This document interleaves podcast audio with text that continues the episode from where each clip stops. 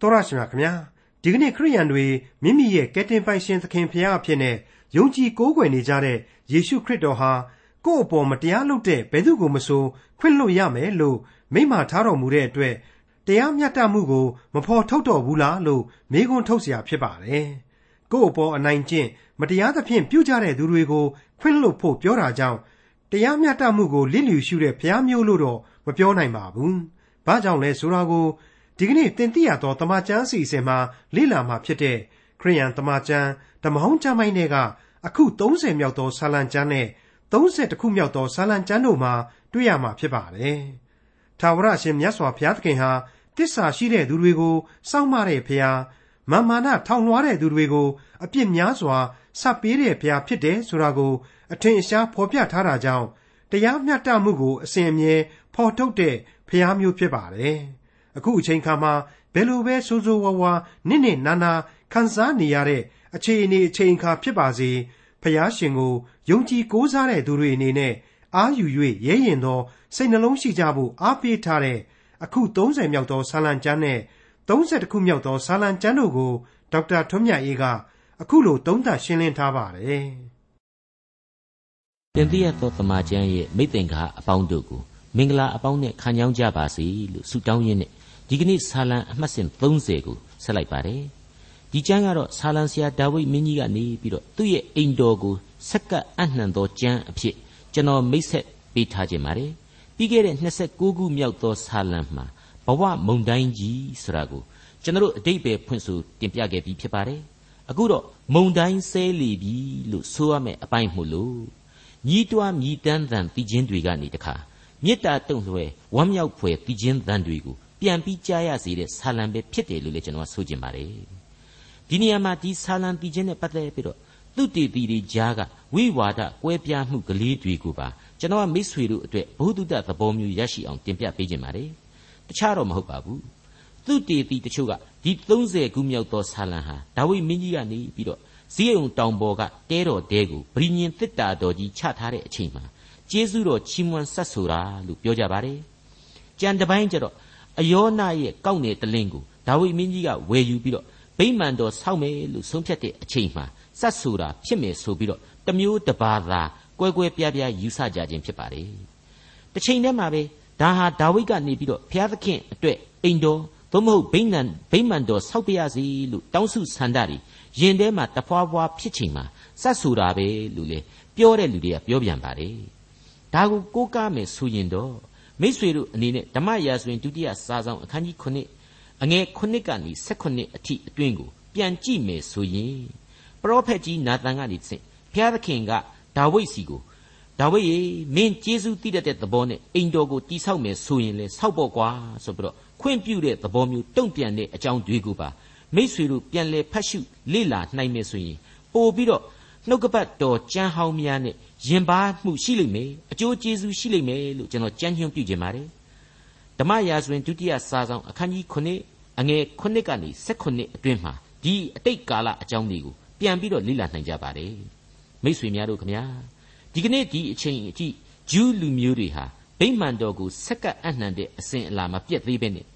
ချန်နုကာလို့ခေါ်တဲ့ဘုရားသခင်ကျေးဇူးတော်ကိုချီးမွမ်းဆက်ကပ်သောပွဲတော်ကြီးတစ်ခုကို ဒီကျမ်းပေါ်မှာပဲအခြေခံပြီးတော့ပြုလုပ်ကျင့်ပနေကြစေရှိတယ်ဆိုတာကိုလေကျွန်တော်ကဒီနေရာမှာဘ ഹു တုတတစ်ခုအဖြစ်ထပ်မံဖြည့်ဆွတ်တင်ပြခြင်းပါတယ်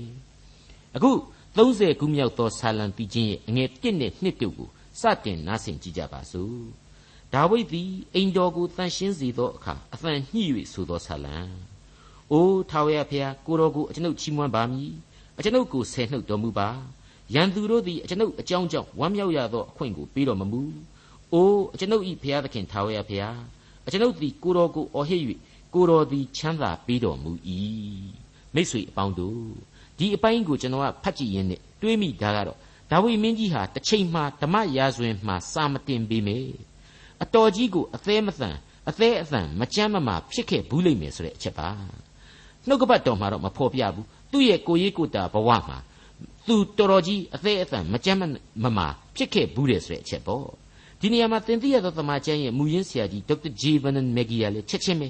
ဒီအပိုင်းဟာအဲ့ဒီလိုဒါဝိဒ်ရဲ့အသေးအသံမကြမ်းမာခြင်းကနေကျေးဇူးတော်ကြောင့်ကြမ်းမာလာရခြင်းကိုသူဟာယေရှုဖော်ပြလိုက်တာပဲဆိုပြီးတော့သူ့ရဲ့အယူအဆကိုထည့်သွင်းလိုက်ပါတယ်ဆိုလိုတာကတော့ဒေါက်တာဂျေဗန်နန်မက်ဂီအဖို့ဒီဆာလန်ဟာသူ့ဘဝဖြစ်ရများနဲ့သက်ဆိုင်နေတယ်လို့သူခံယူမိခဲ့ခြင်းကိုဆိုလိုခြင်းပါပဲမိတ်ဆွေအပေါင်းတို့ခမညာ မကြမ်းမမာလို့သေကံနီးကနေပြန်ပြီးတော့ကြမ်းမာလို့ပဲဖြစ်ဖြစ်မျောလင့်ချက်မရှိတော့အောင်ဘဝပြက်တဲ့အခြေအနေကပြန်လဲပြီးတော့အခြေအနေတွေကောင်းလာတဲ့အခါမှာပဲဖြစ်ဖြစ်ဘုရားသခင်ကျေးဇူးတော်ဟာကျေးဇူးတော်ပါပဲဒါကိုဒေါက်တာဂျေဗန်နန်မက်ဂီကတော့သူဟာကင်ဆာဝေဒနာကြီးနဲ့သေရမယ်သေရမယ်လို့ထင်နေရကနေပြီးတော့ဆူတောင်းခွန်အားယူခြင်းအပြင်ဒီသင်သိရသောတမန်ကျမ်းသင်ခန်းစာတွေကိုအဆုံးတိုင်အောင်ဆက်လက်ပြုစုသွားနိုင်ခဲ့တယ်။ဒါကြောင့်မလို့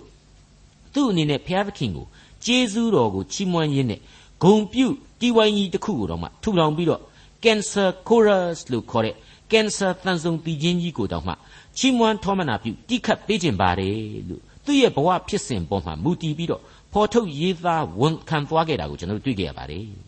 မိတ်ဆွေအပေါင်းတို့ဒေါက်တာမက်ဂီရဲ့အကြောင်းကိုဒီနေရာမှာကျွန်တော်ကပြောရင်းနဲ့စာရေးဆရာကြီးတန်လျင်ဖေသွင်းတို့ Reverend ဦးမောင်မောင်ဟန်တို့လိုပုဂ္ဂိုလ်တွေရဲ့အသက်တာအကြောင်းတွေကိုပါကျွန်တော်သွားရောက်စဉ်းစားမိပါတယ် အဲ့ဒီပုဂ္ဂိုလ်ကြီးတွေခမညာမှာနှိုင်းရှင်ခြင်းအပြင်အသက်သိပ်ပြီးမရှိကြရှာဘူးလို့ကျွန်တော်တို့ဆိုနိုင်ပါတယ်သူတို့ခမညာမှာအသက်80တောင်မပြည့်ခဲ့ကြရှာဘူးလေဘုရားသခင်ခေါ်တော်မူတော့ကောက်ကောက်ပအောင်လိုက်ပြီးသွားခဲ့ကြရပါတယ်ဒါပေမဲ့သူတို့ရဲ့အသက်တာတွေဟာရောတေချာတွေးလိုက်ရင်ဘာများနာစရာရှိသလဲ သူတို့ရှင်သန်ခဲ့သမျှသောအချိန်ကာလအတွင်းမှာထာဝရအသက်ဆုကျေးဇူးဆိုတာကိုသူတို့စိတ်ချလက်ချခံယူသွားကြရုံနဲ့မကသေးဘူးသူတို့ပတ်ဝန်းကျင်မှာအဲ့ဒီအသက်တရားရဲ့အလင်းရောင်ကိုထိထိရောက်ရောက်ဖြန့်ဝေပေးအပ်သွားနိုင်ကြတယ်မဟုတ်ဘူးလား1994ခုနှစ်တုန်းကအီစတာဝတ်ပြုပွဲအစီအစဉ်လေးတစ်ခုကိုသူဝနာအသင်းတော်မှာလုပ်တော့ကျွန်တော်ရောက်သွားတယ်အဲ့ဒီမှာဆရာဦးမော်ဟဲ့ဒေသနာများကိုကျွန်တော်နောက်ဆုံးကြားခဲ့ရတာကိုကျွန်တော်ခုထိမမိနိုင်သေးပါဘူး ခရစ်တော်ရဲ့လူဘဝနောက်ဆုံးသောနေ့ရက်တွေအကြောင်းကိုသူဖော်ပြသွားတာဟာမျက်စိထဲမှာဒီနေ့တည်းထိရှင်းရှင်းလင်းလင်းကြီးမြင်အောင်လောက်အောင်အသက်ပါတယ်လို့ကျွန်တော်ထင်ပါတယ်ဝိညာဉ်ခွန်အားရရှိစေတယ်လို့ကျွန်တော်ယုံကြည်ပါတယ်ခရစ်တော်ဟာတဲ့မေရှိယကယ်တင်ရှင်အဖြစ်ယေရုရှလင်မြို့တော်ကြီးတွေကိုဝင်လာတဲ့အချိန်မှာဟောရှနဖြစ်စေတည်းဆိုပြီးတော့လူတွေကတန်လွင်ရွက်ကလေးတွေနဲ့ဝိုင်းပြီးတော့ကြိုဆိုခဲ့ကြတယ်တကယ်တော့ကယ်တင်ရှင်ရဲ့အဲ့ဒီယေရုရှလင်မြို့တော်ဝင်တဲ့အခန်းဟာ စိတ်စိတ်တွေးကြည့်လိုက်ရင်အဲ့ဒီမြို့တော်ဝင်ကန်းဟာယဉ်နှင့်စရာမြင်ကွင်းကြီးပဲဘာအဟိတ်အဟမ်းမှလည်းမရှိဘူးဘာလောကဂုံတရက်မှလည်းမရှိတဲ့အင်မတန်နှုံချတဲ့မြင်ကွင်းကလေးတစ်ခုပဲဒါပေမဲ့ဒီနှုံချတဲ့မြင်ကွင်းကလေးတွေကနှုံချစွာမြို့တော်တွေကိုဝင်လာတဲ့ဒီအရှင်သခင်စီကနေပြီးတော့ပေးစွန်းနိုင်တဲ့ကယ်တင်ရှင်ဂျေဇူးဆိုတာကိုကမ္ဘာသမိုင်းကဘယ်အာနာရှင်ကြီးတွေဘယ်ဘယင်ကြီးတွေဘယ်သမဏကြီးတွေဘယ်စနစ်ကြီးတွေကမှမပေးနိုင်တဲ့အပြင် အဲ့ဒီလူပုဂ္ဂိုလ်ကြီးတွေအကုန်လုံးကိုယ်တိုင်ဟာဒီသခင်ဂျေဇူးတော်ကိုသာအမိပြုတ်ပြီးတော့မှထာဝရအသက်ဆိုတာကိုမျော်လင့်နိုင်တယ်ဆိုတာကိုသူသေသေးချာဖော်ပြသွားခဲ့ပါတယ်အဲ့ဒီတော့ဒီလိုဥမောင်ဟန်တို့လိုတန်လျင်ဖေသွင်တို့လိုပုဂ္ဂိုလ်ကြီးတွေရဲ့ဓမ္မဒေသနာတွေဟာဘုရားသခင်ရဲ့ဝိညာဉ်တော်အားဖြင့်သူတို့သေလွန်တော်လဲတရားဟောလျက်ရှိနေသေးသလိုသူတို့ရဲ့ဝိညာဉ်တွေဟာလေဘုရားသခင်ထံတော်ကိုပျော်ပျော်ကြီးလွင့်ပြန်သွားခဲ့ကြတာပဲ ငင်းငင်းချင်ချင်ဘုရားသခင်ရုပ်သိမ်းတာကိုသူတို့ခံလိုက်ကြရတာပဲဆိုတာကိုကျွန်တော်ကတွေးရင်းနဲ့ရင်သိမ့်တုံအောင်ခံစားမိပါတယ်ဒီအတိုင်းပဲပေါ့တရာမူလာတဲ့ဒေါက်တာဥပဟန်တဲ့ဒီပုဂ္ဂိုလ်ကြီးတွေကသေသာသွားရောသူတို့ရဲ့ဧဝံဂေလိသတင်းစကားတွေဟာအခုတိုင်လွင့်ပြန်နေတာပဲမဟုတ်ဘူးလားကျွန်တော်ကတော့ရှင်းရှင်းပဲတငယ်ပြန်ပြီးတော့အသက်ရာကျော်နေရမယ့်အစားစောစောသေခြင်းသေပါစေဘုရားသခင်ဘုန်းတော်ကိုထင်ရှားတဲ့အသက်တာဆိုရင် ဒါဟာဒီမြေလောကအတွက်ထိုက်တန်တယ်မြင့်မြတ်တယ်လို့ပဲခံယူပါတယ်ကျွန်တော်ပြောခဲ့တဲ့အထက်မှာတငယ်မပြန်မဲနဲ့အသက်ရှည်ပြီးတော့ဘုရားသခင်ဘုန်းတော်ကိုထင်ရှားစေတဲ့အသက်တာမျိုးကိုကျွန်တော်ဆိုလိုတာမဟုတ်ပါဘူးနော်အသက်လဲရှည်တယ်ရှည်လျားတဲ့အသက်တာနဲ့လဲထိုက်တန်အောင်ဘုရားသခင်အမှုတော်ကိုဆောင်သွားတယ်ဘုန်းတော်ကိုထင်ရှားစေတယ်ဆိုရင်တော့ဒါဟာစိုးစရာမလောက်အောင်ပြေဝစုံနေတယ်လို့ပဲကျွန်တော်တို့ဆိုရမှာပါအခု30ခုမြောက်သောဆာလံအငယ်3နဲ့4ကိုဆက်လက်နားဆင်ကြည့်ကြပါစို့။ အိုးထာဝရဖျားကိုတော်သည်ကျွန်ုပ်၏ဝိညာဉ်ကိုမရဏနိုင်ငံထဲကနှုတ်ယူတော်မူပြီးသင်္ချိုင်းတွင်တဲ့သို့မဆင်းစေဘဲကျွန်ုပ်ကိုအသက်ချမ်းသာပေးတော်မူပြီးထာဝရဖျား၏တန်ရှင်းသူတို့ထာဝရဖျားကိုထောမနာပြီးခြင်းဆိုကြလော့တန်ရှင်းသောနာမတော်ကိုချီးမွမ်းကြလော့ပို့ပြီးရှင်းသွားတယ်လို့ကျွန်တော်ထင်ပါတယ်ဒါဝိမင်းကြီးဟာသေလူမျောပါဝေဒနာကြီးတစ်ခုကိုခံစားနေရကနေပြန်လဲနလန်ထလာတယ်လို့ဒီအပိုင်းမှာကျွန်တော်တို့ရိတ်ဖမ်းတန်ပန်သဘောပေါက်နိုင်ပါတယ် မိษွေအပေါင်းတို့ကိုယ့်ဘဝမှာရုပ်ဝေဒနာစိတ်ဝေဒနာများကိုမချိမဆန့်ဖြစ်ပေါ်ခံစားလာရမယ်ဆိုရင်တတစ်အချက်အနေနဲ့ဘုရားသခင်ကိုအရင်ဆုတောင်းခွန်အားယူပါအသနာခံပါနှစ်အချက်အနေနဲ့ကိုကိုကိုတန်ဖိုးထားပြီးတော့ဘုရားသခင်ပေးထားတဲ့အုံနှောက်နဲ့ဆင်ခြင်စဉ်းစားရင်ပေလျက်ကံကိုကိုကိုသဘောမထားပဲစနစ်တကျကုသမှုခံယူပါသိပ္ပံနီးကြစူးစမ်းပြီးတော့ကိုရုပ်ကိုစိတ်ကိုပြုပြင်ထိမ့်သိမ့်ကြပါ ဘုရားသခင်ရဲ့ကျေးဇူးတော်ဆိုတာဟာအလွန်အံ့ဩဖွယ်ကောင်းပါတယ်ဒါကိုအခုဆာလံဆရာဟာမပြည့်ပြတ်သေးပါဘူးဆက်လက်တင်ပြသွားပါလိမ့်ဦးမယ်အငယ်ငါအမျက်တော်သည်ခဏထွက်၏ကျေးဇူးတော်မူကားတစ်သက်လုံးတည်၏ညဥ်ရ၌ငိုကြွေးခြင်းသည်လာ၍တဲခို၏နန်နဲ့ရ၌ကပြီးချင်းဆိုရသောအခွင့်ရှိ၏ကဲတဲ့ရှင်းတာကတော့မရှိတော့ဘူးလို့ထင်ပါတယ်ဒီအပိုင်းကလေးဟာကျွန်တော်အဖို့ကတော့ အမြဲစွဲညှိနေတဲ့လင်္ကာယသအပိုင်းကလေးပဲလို့ကျွန်တော်ဆိုချင်ပါတယ်ကျွန်တော်ဟာစာရေးဆရာတယောက်အနေနဲ့ကျွန်တော်ရဲ့ဝတ္ထုပေါင်းများစွာမှာဒီအပိုင်းကိုကိုးကားခဲ့ပူပါတယ်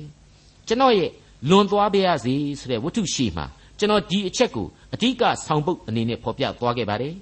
တန်လျင်ဖေးသွင်းဆိုးရိုးနဲ့အတူရေးခဲ့တဲ့ထူးစွာပွင့်လန်းမေတ္တာပံဝတ္ထုတူဘောင်းကျုပ်ထဲမှာဖြစ်ပါတယ်ဝိညာဉ်ရေးအနှစ်သာရဟာကြီးမြတ်လွန်းလို့ကျွန်တော်ရဲ့နှလုံးသားခံစားချက်ဖော်ပြချက်တွေဟာ နှုတ်ကပတ်တော်ကဆိုလိုတဲ့ကျေးဇူးတော်ရဲ့သဘောကိုမိမယ်လို့တော့မှကျွန်တော်ကတော့ဆိုတော့မဆိုဝန်းပါဘူးဒါပေမဲ့ထိုက်ထိုက်တန်တန်ဖြစ်နိုင်အောင်တော့အကောင်းဆုံးအသုံးပြုနိုင်ခဲ့တယ်လို့တော့ကိုယ့်ကိုယ်ကိုယုံကြည်မိပါတယ်အခု30ခုမြောက်သောဆာလံရဲ့ကြံကျွင်းသောအပိုင်းကိုကျွန်တော်ဖတ်ပြပါရစေအငယ်6မှ7ငါသည်လှုပ်ရှားခြင်းနှင့်အစဉ်ကင်းလွတ်လိမ့်မည်ဟုကောင်းစားစဉ်အခါကျွန်ုပ်အောက်မေ့ပါ၏အိုးထာဝရဖျားကျေးဇူးတော်အားဖြင့်သာကျွန်ုပ်ဤတောင်သည်ခိုင်ကမြဲမြံပါ၏ မျက်နာလွှဲတော်မူသောအခါဆင်းရဲခြင်းသို့ရောက်ပါ၏အိုးထာဝရဖျားကျွန်ုပ်သည်အသက်ဆုံး၍တင်းကြိုင်းတွင်တဲ့သို့ဆင်းလျင်အဘယ်အကျိုးရှိပါအံ့နည်းမြေမုံသည်ကိုတော်ကိုချီးမွမ်းပါမည်လောတစ္ဆာတော်ကိုဖော်ပြပါမည်လောအိုးထာဝရဖျားနားထောင်၍ကဲမတနာတော်မူပါအိုထာဝရဖျားကျွန်ုပ်ကိုစောင့်ရှောက်တော်မူပါဟုကိုတော်ကိုကျွန်ုပ်အော်ဟစ်၍ထာဝရဖျားကိုတောင်းလျှောက်ပါ၏ထိုအခါကျွန်ုပ်ညီးတွားမြည်တမ်းခြင်းကိုကခုန်ခြင်းဖြစ်စေတော်မူ၏ ကျွန်ုပ်ဝတ်သောလျှော်တေအဝတ်ကိုချွတ်၍ဝန်းမြောက်ခြင်းကပန်းနှင့်စီးတော်မူ၏တို့ဖြစ်၍ကျွန်ုပ်၏ဝိညာဉ်သည်တိတ်ဆိတ်စွာမနေကိုတော်ကိုချီးမွမ်းပါမည်တည်ခြင်းဆိုပါမည်အိုကျွန်ုပ်၏ဖျားသခင်ထာဝရဖျားကျေးဇူးတော်ကိုအစဉ်အမြဲချီးမွမ်းပါမည်မိတ်ဆွေအပေါင်းတို့ခမညာ30ခုမြောက်သောဆာလံတည်ခြင်းဟာပြီးဆုံးသွားပါပြီဒီဆာလံတည်ခြင်းအပြင်မိတ်ဆွေတို့ကျွန်တော်တို့ရဲ့အသက်တာများအားလုံးဟာဘုရားသခင်ရဲ့ကျေးဇူးနဲ့ဂိယူနာတော်ကို ပုံမိုနားလည်ပြီးတော့ပုံမိုချီးမွမ်းထောမနာပြုနိုင်ခြင်းရှိကြပါစေတည်းလို့ကျွန်တော်ဆုတောင်းပေးလိုက်ပါတယ်ကျွန်တော်တို့အတွက်အလွန်ကောင်းမွန်တဲ့ဘဝပု္ပ္ပာတစ်ခုကိုဒီဆာလံဟာခြံရစ်ထားခဲ့တယ်လို့ကျွန်တော်ဆိုချင်ပါတယ်မြေမှုန့်သည်ကိုတော်ကိုချီးမွမ်းပါမည်လောသစ္စာတော်ကိုဖော်ပြပါမည်လောဆိုတဲ့မိကွန်းပါမိษွေတို့ကျွန်တော်တို့ဘယ်လိုအဖြေပေးကြမယ်ဆိုတာကိုဆာလံဆရာဟာစောင့်ဆိုင်မနေခဲ့ပါဘူးသူ့အဖြေနဲ့ပဲသူဒီဆာလံတီးခြင်းကိုညီကုန်းချုပ်ပေးလိုက်ပါတယ် ကျွန်တော်တို့အလွန်အတူယူတိုက်လာတော့အဖြေပဲလို့လည်းကျွန်တော်ခံယူမိပါတယ်တို့ဖြစ်၍ကျွန်ုပ်ဤဝိညာဉ်သည်တိတ်ဆိတ်စွာမနေကိုတော်ကိုတည်ခြင်းဆိုပါမည်အိုးကျွန်ုပ်ဤဘုရားသခင်ထာဝရဘုရားကျေးဇူးတော်ကိုအစဉ်အမြဲချီးမွမ်းပါမည်ဆိုတဲ့အနန္တကာလနဲ့ဆိုင်တဲ့ကျေးဇူးတော်ကိုချီးမွမ်းခြင်းအဖြေပဲဖြစ်ပါတယ်ခင်ဗျာသောတာရှင်မိတ်ဆွေအပေါင်းတို့အခုအချိန်မှာတော့30ခုမြောက်သောဆာလံတည်ခြင်းကိုကျွန်တော်တို့ရောက်ရှိလာပါပြီ ကဲတင်ဘိုးရပထနာလို့ဆိုရမယ့်တည်ခြင်းဖြစ်ပါတယ်ဒီ30ခုမြောက်သောဆာလံဟာဖြင့်အိပ်၍မပျော်သောစိတ်တစညများမှာယုံကြည်သူတို့ရွတ်ဆိုသင့်တဲ့ဆာလံတည်ခြင်းတစ်ခုဖြစ်တယ်လို့ကျွန်တော်မိတ်ဆက်ပေးခြင်းပါတယ်အငယ်1မှ8ကိုစတင်နားဆင်ကြည့်ကြပါစို့။အိုးထာဝရဖျားကိုတော်ကိုကျွန်ုပ်ခိုလှုံပါ၏ရှက်ကြောက်ခြင်းနှင့်အစဉ်ကင်းလွတ်ပါစေသော။တရားတော်နှင့်အညီကျွန်ုပ်ကိုကယ်နှုတ်တော်မူပါ။ ကျွန်ုပ်ဘက်သို့နားတော်ကိုလှည့်၍အလျင်အမြန်ကယ်နှုတ်တော်မူပါ။ကိုတော်သည်ကျွန်ုပ်၌ခိုင်ခံသောကြောက်ကျွန်ုပ်ခိုလှုံရာရဲတိုက်ဖြစ်တော်မူပါ။အကယ်စင်စစ်ကျွန်ုပ်ဤကြောက်ကျွန်ုပ်ဤရဲတိုက်ကကိုတော်ပေသည်။နာမတော်အဖို့အလို့ငါကျွန်ုပ်ကိုလမ်းပြ၍သွန်သင်ပဲ့ပြင်တော်မူပါ။ကိုတော်သည်အကျွန်ုပ်ခိုလှုံရာဖြစ်တော်မူ၏ထို့ကြောင့်အကျွန်ုပ်အဖို့ဖွက်ထားသောကြော့ကွင်းတဲကအကျွန်ုပ်ကိုနှုတ်ယူတော်မူပါသစ္စာစောင့်တော်မူသောဘုရားသခင်ထာဝရဘုရား ကိုတော်သည်အကျွန်ုပ်ကိုရွေးနှုတ်တော်မူသည်ဖြစ်၍အကျွန်ုပ်၏ဝိညာဉ်ကိုကိုတော်လက်၌အပ်ပါ၏မှုသာအနတ္တကိုစီးကပ်တော်သူတို့ကိုအကျွန်ုပ်သည်မုံ၍ထာဝရဘုရားကိုခိုလှုံပါ၏ဂယုနာတော်ကြောင့်ဝန်တာရှင်လန်းခြင်းရှိပါလိမ့်မည်ကိုတော်သည်အကျွန်ုပ်ဆင်းရဲခြင်းကိုကြည့်ရှု၍အကျွန်ုပ်ဤဝိညာဉ်တွေ့သောအမှုကိုသိမှတ်တော်မူ၏အကျွန်ုပ်ကိုရန်သူလက်သို့မအပ်ဖဲကျယ်ဝန်းသောအရ၌နေရာချတော်မူ၏ အခုဖတ်ခဲ့ရတဲ့ကျမ်းပိုင်းတဲကအကျွန်ုပ်ဤဝိညာဉ်ကိုကိုတော်ဤလက်၌အပ်ပါ၏ဆိုတဲ့အချက်ကိုကျွန်တော်မိษွေတို့အလွန်တရာနှစ်သက်မြတ်နိုးစွာနဲ့အာဂုံဆောင်သင့်တယ်လို့တောင်ကျွန်တော်ထင်မိပါတယ်တစ်ချိန်တည်းမှာမိษွေတို့ကျွန်တော်တို့ဟာကျွန်တော်ရဲ့ဝိညာဉ်တွေကိုဘယ်နေရာမှာများစိတ်ချလက်ချအနှံထားခဲ့ကြသလဲလို့ကျွန်တော်ပြားပန်းခတ်မြတွေးဆဆင်ခြင်ရင်းနဲ့ရင်မောမတက်ခံစားမိပါတယ်အဲ့ဒီမိကွန်းနဲ့အတူနောက်ကျပြီးမှတွေ့ရတဲ့ဒါဝိဒ်ရဲ့အဖြေကတော့အခုဆာလံတီချင်းအစမှာကလေးကတွေ့ရတဲ့ တရားတော်နဲ့အညီကယ်နှုတ်တော်မူပါဆိုတဲ့တောင်းလျှောက်အသနာခံလိုက်တဲ့အဖြစ်ပါပဲမိ쇠အပေါင်းတို့မေးစရာမလိုတဲ့မိကုံဖြစ်တယ်လို့ဖြေစရာမလိုတဲ့အဖြေတစ်ခုပဲလို့ကျွန်တော်ကိုစောရကတက်ခွင့်ပြုပါကျွန်တော်အဖို့ကိုယ်ဝိညာဉ်ကိုဘုရားသခင်မှတပါအခြားဘယ်သူစီမာမှအနှံလို့မရနိုင်ဘူးလို့ဘုရားသခင်ဟာသူဖော်ပြတဲ့ကယ်တင်ခြင်းတရားနဲ့အညီသာလျှင်လူသားတို့ကိုကယ်နှုတ်တော်မူမယ်ဆိုတာဟာအရှင်းတန်တရားရှိစရာမလိုတဲ့အဖြေပဲဖြစ်ပါတယ် နာမတော့အဖို့အလို့ငါလမ်းပြ၍သွန်သင်တော်မူပါပဲ့ပြင်တော်မူပါဆိုတဲ့အချက်ဟာလေသေသေးချာချာဆန်းစစ်ဝေဖန်တိုက်တဲ့အချက်တစ်ခုပဲဖြစ်ပါတယ်ကျွန်တော်ဟာဘယင်မင်းမြတ်တပားမို့လို့ထင်ရှားဖို့ဆိုတဲ့သဘောနဲ့ဆန့်ကျင်ဘက်လုံလုံကြီးဖြစ်နေပါတယ်ဖျားသခင်မှတပားအခြားမရှိဆိုတဲ့ယုံကြည်ခြင်းစိတ်ဓာတ်ကိုသာပြသနေတယ်ဘုံတော်ကိုသာပုံမထင်ရှားနေစေတယ်လို့ကျွန်တော်ပြက်ပြက်သားသားခံယူမိပါတယ် ဒါကြောင့်မလို့အခုလိုဒါဝိမင်းကြီးရဲ့ကိုဝိညာဉ်ကိုကိုယ်တိုင်ဖျားသခင်ထံမှအနှံလိုက်ခြင်းဟာရှင်လုကာခရစ်ဝင်အခန်းကြီး23အငယ်46ကကယ်တင်ရှင်သခင်ခရစ်တော်ကားတိုင်တော်ပေါ်မှာအဖာအကျွန်ုပ်ဤဝိညာဉ်ကိုကိုတော်ဤလက်၌အပ်ပါ၏ဆိုတဲ့အနှံခြင်းနဲ့အလားတန်တူတယ်တမန်တော်ဝတ္ထုအခန်းကြီး9ရဲ့ဏိဂုံးပိုင်းကသခင်ယေရှုအကျွန်ုပ်ဤဝိညာဉ်ကိုသိမ့်ပိုက်တော်မူပါဆိုတဲ့တထေဖန်အမည်ရှိတဲ့လူငယ်ကလေးရဲ့စက္ကအနှံခြင်းနဲ့လေ ထတ်တူထတ်မြဖြစ်ခဲ့တယ်ဖြစ်လိမ့်မယ်လို့ကျွန်တော်ဆိုပြရစီမိတ်ဆွေအပေါင်းတို့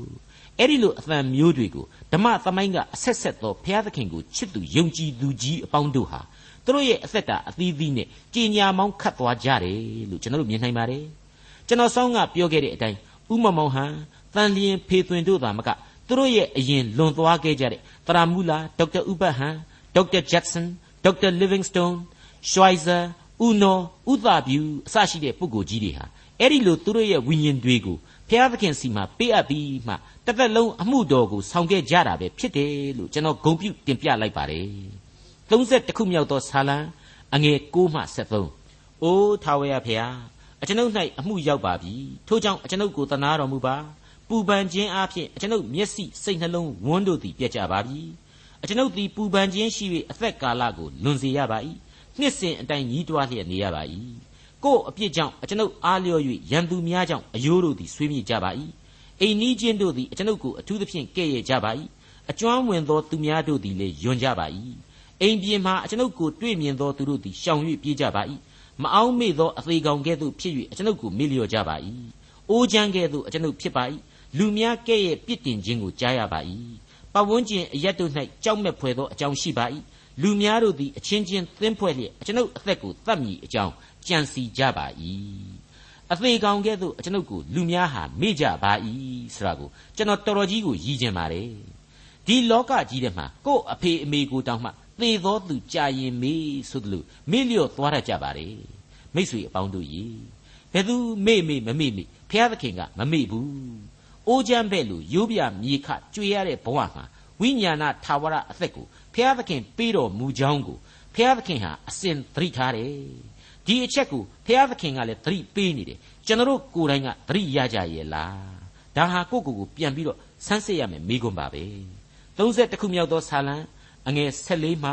18သို့တော်လည်းအိုထာဝရဘုရားကိုတော်ကိုအကျွန်ုပ်ကိုးစားပါ၏ကိုတော်သည်အကျွန်ုပ်၏ဘုရားသခင်ဖြစ်တော်မူသည်ဟုအကျွန်ုပ်လျှောက်ဆိုပါ၏အကျွန်ုပ်၌ဖြစ်လေသမျှသောအရာအမှုအရာတို့ကိုကိုတော်စီရင်ပိုင်တော်မူ၏ ရန်သူတို့နှင့်ညှင်းဆဲတတ်သောသူတို့၏လက်မှအကျွန်ုပ်ကိုကယ်နှုတ်တော်မူပါမျက်နာတော်ဤအလင်းကိုကိုတော်ဤကျွန်အပေါ်၌ထွန်းလင်းစေတော်မူပါဂယုနာတော်ကြောင့်အကျွန်ုပ်ကိုကယ်တင်တော်မူပါ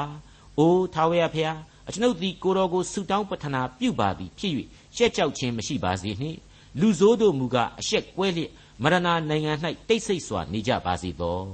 မာနထောင်လွှားခြင်းမထီမဲ့မြင်ပြုခြင်းနှင့်တကွဖြောင့်မတ်သောသူတစ်ဖက်၌စော်ကားသောစကားကိုပြော၍ မှုသာ၌ကျင်လေသောသူတို့၏နှုတ်သည်တိတ်ဆိတ်စွာနေကြပါစေသောအကျွန်ုပ်၌ဖြစ်လေသမျှပြက်လေသမျှအကျွန်ုပ်ဤဘဝဂန္ဓအဝဝမှာကိုတော်စီရင်ပိုင်ပါတယ်တဲ့အဲ့ဒီလိုစီရင်ပိုင်တော်မူသောဘုရားသခင်ကိုကျွန်တော်ဟာကိုယ့်အသက်ဝိညာဉ်ကိုအနှံတိုက်တယ်သူ့ကိုယ်သာလက်တွဲမဖြုတ်စရန်မြဲမြံစွာကိုယ်ွယ်တိုက်တယ်ဆိုတာဟာရှင်းမနေဘူးလားပြီးတော့မှတခါမျက်နာတော်အလင်းကိုအကျွန်ုပ်သို့မဟုတ်ကိုတော်ဤကျွန်အပေါ်၌ထွန်းလင်းစေတော်မူပါတဲ့ ဒါဘုရားသခင်ရဲ့မေတ္တာတော်ရောင်ချီဟာကိုဘဝမှာတဆင့်ထွန်းလင်းစေပါဆိုတဲ့ဆုတောင်းသံနဲ့သဘောတရားချင်းတူညီတယ်ဆိုပြီးတော့လေးခုမြောက်သောဆာလံသင်ခန်းစာတွေမှာတုန်းကလေးကကျွန်တော်ဖော်ပြခဲ့ပြီးဖြစ်ပါတယ်အခုအချိန်မှာတော့တရက်ပို့ပြီးလေးနဲ့တဲ့အတိတ်ပဲရှိနေပြီလို့ကျွန်တော်ယူဆမိပါတယ်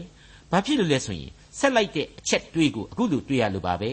ဂယုနာတော်ကြောင့်ကျွန်ုပ်ကိုကဲတင်တော်မူပါရှက်ကြောက်ခြင်းမရှိပါစေနှင့်ဆိုတဲ့အချက်တွေကြောင့်ပါ ဒီကဲတင်ခြင်းကျေးဇူးဆိုတာဟာဘယ်ကလာတယ်လဲခရစ်တော်ကဲတင်ရှင်စီကသာလာခြင်းဖြစ်ပါတယ်ရှက်ကြောက်ခြင်းဝေဒနာကိုဒီကဲတင်ရှင်ခံယူလို့သာကျွန်တော်ဟာဝိညာဉ်ရေးအရာရှက်ကြောက်ခြင်းကင်ဝေသောဘဝနဲ့လွတ်မြောက်ခဲ့ရတယ်ဆိုတာဟာတစ်ဆက်တစ်ဆက်တည်းထင်ရှားပေါ်လွင်နေပါတယ်ခရစ်တော်ရဲ့အရှက်တကွဲအကျိုးနဲ့အသေးခံတော်မူခြင်းဟာအလွန်ပြတ်သားတဲ့ကျေးဇူးတရားကိုလူသားတွေခံယူဖို့ဖော်ပြတဲ့သက်သေပဲဖြစ်ကြောင်းကို ကျွန်တော်ဟာ22ခုမြောက်သောဆာလံမှာထပ်မံဖော်ပြခဲ့ပြီးလည်းဖြစ်ပါတယ်မိษွေအပေါင်းတို့ဖျားသခင်ဟာနံဝိညာဉ်ဖြစ်တော်မူတယ်သူ့ကိုဘယ်သူမှမြင်ခွင့်မရှိဘူးဆိုတဲ့အချက်တွေကိုကျွန်တော်တို့သိနာလည်ထားပါတယ်ဒါပေမဲ့ခရစ်တော်ရဲ့လူဘဝတယုတ်တို့ဟာသူ့ကိုမြင်ခွင့်ပေးလိုက်ခြင်းပဲမဟုတ်ဘူးလားသေးနှုတ်နှုံချတဲ့ကျွန်တော်တို့လူတ attva ဆိုတာမျိုးဟာလက်တွေ့ကြတဲ့အာကိုကလေးတစ်ခုသိပ်ပန်နီးကြရှိပြီဆိုမှကိုကိုကိုလုံုံစိတ်ချတယ်ကိုကိုကိုအားရှိတယ်လို့ခံယူတတ်ကြတယ်လေ ဒါကြောင့်မလို့လေစัจ जा နေအမှုဆောင်ရှိမှဖြစ်မယ်ဆိုပြီးတော့ယောဘပြောခဲ့သေးတယ်မဟုတ်ဘူးလားအဲ့ဒီလိုရှင်သန်လှုပ်ရှားနေတဲ့အမိအတွေ့ကိုသာကိုဆိုတဲ့လူသားလိုချင်တယ်ဆိုရင်တော့နံဝိညာဉ်ဖြစ်တော်မူသောဘုရားသခင်ကိုကျွန်တော်တို့မြင်လို့မရနိုင်ဘူးဒါပေမဲ့သူ့ရဲ့မျက်နှာတော်အလင်းဖြစ်တဲ့ကယ်တင်ရှင်သခင်ခရစ်တော်ကိုသာမျှော်ကြည့်ကြပြီတော့အမှန်တကယ်ဒီကယ်တင်ရှင်ဟာတန်ရှင်းသောဝိညာဉ်တော်အဖြစ်ကျွန်တော်တို့အတွက်လှုပ်ရှားနေပါတယ် ကျွန်တော်တို့ရဲ့နှလုံးသားစိတ်အစဉ်တဲမှာကိုတောင်မှစိတ်အစဉ်တဲကိုတောင်မှကျွန်တော်တို့ခေါ်ပင့်လို့ရနိုင်တယ်ဒီလောက်အထိသိမ်မွေ့နူးညံ့စွာနဲ့အနိကတည်နေသောကယ်တင်ရှင်အဖြစ်သာကျွန်တော်တို့ဟာမိမိတို့ရဲ့အသက်တာကိုစိတ်ချလုံခြုံစွာရှင်သန်ကြဖို့ကျွန်တော်အနေနဲ့တိုက်တွန်းအားပေးပါရစေ30ခုမြောက်သောဆာလံအငယ်16မှ24အဆုံးအထိကိုတော်ကိုကြောက်ရွံ့သောသူတို့အဖို့သို့ထားတော်မူ၍လူသားတို့ရှေ့မှကိုတော်ကိုခိုလှုံသောသူတို့အဖို့ ပြုပြင်တော်မူသောဆုကျေးဇူးတော်သည်လွန်ကြီးလာပါ၏လူတို့ပြုတတ်သောပရိယေနှင့်ကင်းလွတ်စေခြင်းဟာကျင်းဝတ်တော်မူရာအတွင်းအရ၌ထိုသူတို့ကိုဖွက်ထားတော်မူ၏ရန်တွေ့ခြင်းအသံကိုကွယ်ကာလျက်တဲတော်တွင်သူတို့ကိုစောင့်မတော်မူ၏ထာဝရဘုရား၌မင်္ဂလာဖြစ်စေတည်းအကြောင်းမူကားခိုင်ခံသောမြို့၌အံ့ပွေသောမေတ္တာဂရုနာတော်ကိုအကျွန်ုပ်အားထင်ရှားပြတော်မူပြီးအကျွန်ုပ်သည်ကိုတော်၏မျက်နှာကွယ်ရာ၌ဆုံးရှုံးပါပြီဟုအကျွန်ုပ်တုန်လှုပ်လျက်ဆိုမိတော်လေ ကိုတော်ကိုအော်ဟစ်သောအခါအကျွန်ုပ်ပြုသောပတ္ထနာစကားသံကိုကိုတော်နားထောင်တော်မူသည်ထာဝရဘုရား၏တန်ရှင်းသူအပေါင်းတို့ထာဝရဘုရားကိုချစ်ကြလော့ထာဝရဘုရားသည်သစ္စာရှိသောသူတို့ကိုစောင့်မတော်မူ၏မာနထောင်လွှားသောသူတို့ကိုကအပြစ်များစွာဆက်ပေးတော်မူသည်ထာဝရဘုရားကိုကိုးစားသောသူအပေါင်းတို့အာယူ၍ရဲရင်သောစိတ်နှလုံးရှိကြလော့လူကိုကြောက်ရွံ့တဲ့လူတွေအဖို့သို့ဖွဲ့ထားတဲ့အရာ ခိုလုံသူတို့အဖို့ပြုပြင်ထားသောအရာတဲ့ဘလောက်အံ့ဩဖို့ကောင်းတဲ့ဖော်ပြချက်လေဒါဟာလူစားတိကိုခံယူပြီးတော့ကားတိုင်းတော်ပေါ်မှာအသေးခံတော်မူခြင်းရှင်ပြန်ထမြောက်တော်မူခြင်းကျေးဇူးတော်အကြောင်းကိုဖော်ကျူးလိုက်တာပါပဲဟုတ်ပါတယ်စီရင်တော်မူချက်တို့သည်နည်းနည်းလှပေ၏ဆိုတဲ့ဓမ္မတေးကဖော်ပြချက်အတိုင်းပဲဒီနည်းနည်းသောအမှုတော်ကိုကျွန်တော်သိမှတ်ဆွဲလန်းထားဖို့အထူးပဲလိုအပ်လာပါတယ်ဒီအပိုင်းမှာမြင်ခဲ့ရတဲ့အချက်တွေကိုဆက်ဆက်ပြီးတော့109ခုမြောက်သောဆာလံဟာ အငယ်1မှ3အတွင်အခုလိုကျေးဇူးတော်ကိုထပ်မံချီးမွမ်းထားတာကိုတွေ့နိုင်ပါတယ်ထာဝရဘုရားသည်ကောင်းမြတ်တော်မူ၍ဂရုဏာတော်အစဉ်အမြဲတည်သောကြောင့်ဂုံကျေးဇူးတော်ကိုချီးမွမ်းကြလော့ရန်သူ၏လက်မှထာဝရဘုရားနှုတ်၍အရှိအနောက်တောင်မြောက်အရရက်ထဲကစုသိမ်းသောသူကြီးဟုသောရွေးကောက်တော်မူသောသူတို့သည်ဝန်ခံကြစေတဲ့မိษွေတော်တတ်ရှင်အပေါင်းတို့ကိုကိုကိုဂုံပြုခြင်းရင်ပြုမပြုရင်လေကိုအဖေအမေကိုသားသမီးကအစ ကိုချစ်တဲ့အတိုင်းအဝိုင်းကလေးတွေမှသာဂုံပြုရင်းနဲ့ဂုံပြုခံယူရင်းနဲ့ဂုံယူမဆုံးတပြုံပြုံဖြစ်နေတတ်တဲ့ကျွန်တော်မဟာလူသားများဟာအခုကြားနာခဲ့ရတဲ့30ခုမြောက်သောဆာလံအားဖြင့်ကိုအမှန်တကယ်ဂုံပြုရမှာဟာလူသားအချင်းချင်းမဟုတ်ဘူးဘုရားသခင်သာဖြစ်တယ်ဘုရားသခင်ရဲ့ကောင်းမြတ်တော်မူခြင်းနဲ့ကယ်တင်တော်မူခြင်းကျေးဇူးတော်ကြောင့်သာလျှင်ကျွန်တော်လူဘဝဟာနေပြောရတယ်သေပြောရတယ် ဒါကြောင့်မလို့မျက်နှာတော်အလင်းဖြစ်တဲ့ကယ်တင်ရှင်တရားကိုပေးပိုင်သူခရစ်တော်အားဖြင့်ဆုတောင်းကြပါဘုရားသခင်ရဲ့ကျေးဇူးတော်အရေးမှာလုံခြုံစိတ်ချစွာခိုလှုံကြပါဘုရားသခင်ရဲ့ဘုန်းတော်ကိုအစဉ်တစိုက်ထောမနာပြုနိုင်သောအသက်တာများဖြစ်ကြပါစေလို့ကျွန်တော်အထူးဆုတောင်းပေးလိုက်ပါတယ်ကိုတော်ကိုကြောက်ရွံ့သောသူတို့အဖို့သို့ထားတော်မူ၍လူသားတို့ရှေ့မှကိုတော်ကိုခိုလှုံသောသူတို့အဖို့ပြုပြင်တော်မူသောဆုကျေးဇူးတော်သည်အလွန်ကြီးလာပါ၏ လူတို့ပြုတတ်သောပရိယေနှင့်ကင်းလွတ်စေခြင်းဟာကျင်းဝတ်တော်မူရာအတွင်းအရ၌ထိုသူတို့ကိုပွက်ထားတော်မူ၏ရန်တွေ့ခြင်းအသံကိုကွယ်ကာလျက်တဲတော်တွင်သူတို့ကိုစောင့်မတော်မူ၏ထာဝရဘုရား၌မင်္ဂလာဖြစ်စေတည်းအကြောင်းမူကားခိုင်ခံ့သောမြို့၌အံ့ဘွယ်သောမေတ္တာဂရုနာတော်ကိုအကျွန်ုပ်အားထင်ရှားပြတော်မူပြီအကျွန်ုပ်သည်ကိုတော်ဤမျက်နှာကွယ်ရာ၌ဆုံးရှုံးပါပြီဟုအကျွန်ုပ်တုန်လှုပ်လျက်ဆိုမိတော်လေ ကိုတော်ကိုအဟစ်သောအခါအကျွန်ုပ်ပြုသောပတ္ထနာစကားသံကိုကိုတော်နားထောင်တော်မူသည်ထာဝရဘုရား၏တန်ရှင်းသူအပေါင်းတို့ထာဝရဘုရားကိုချစ်ကြလော့ထာဝရဘုရားသည်တစ္ဆာရှိသောသူတို့ကိုစောင့်မတော်မူ၏မာနထောင်လွှားသောသူတို့ကိုကအပြစ်များစွာဆက်ပေးတော်မူသည်ထာဝရဘုရားကိုကိုးစားသောသူအပေါင်းတို့အာယူ၍ရဲရင်သောစိတ်နှလုံးရှိကြလော့ ဒေါက်တာထွန်းမြတ်ရေးစီစဉ်တင်ဆက်တဲ့တင်ပြရတော်တမချန်းအစီအစဉ်ဖြစ်ပါတယ်နောက်တစ်ချိန်အစီအစဉ်မှာခရိယန်တမချန်းဓမ္မဟောင်းကျမ်းပိုင်းထဲမှာပါရှိတဲ့32ခုမြောက်သောစာလံကျမ်းကိုလေ့လာမှဖြစ်တဲ့အတွက်စောင့်မျှော်နားဆင်နိုင်ပါတယ်။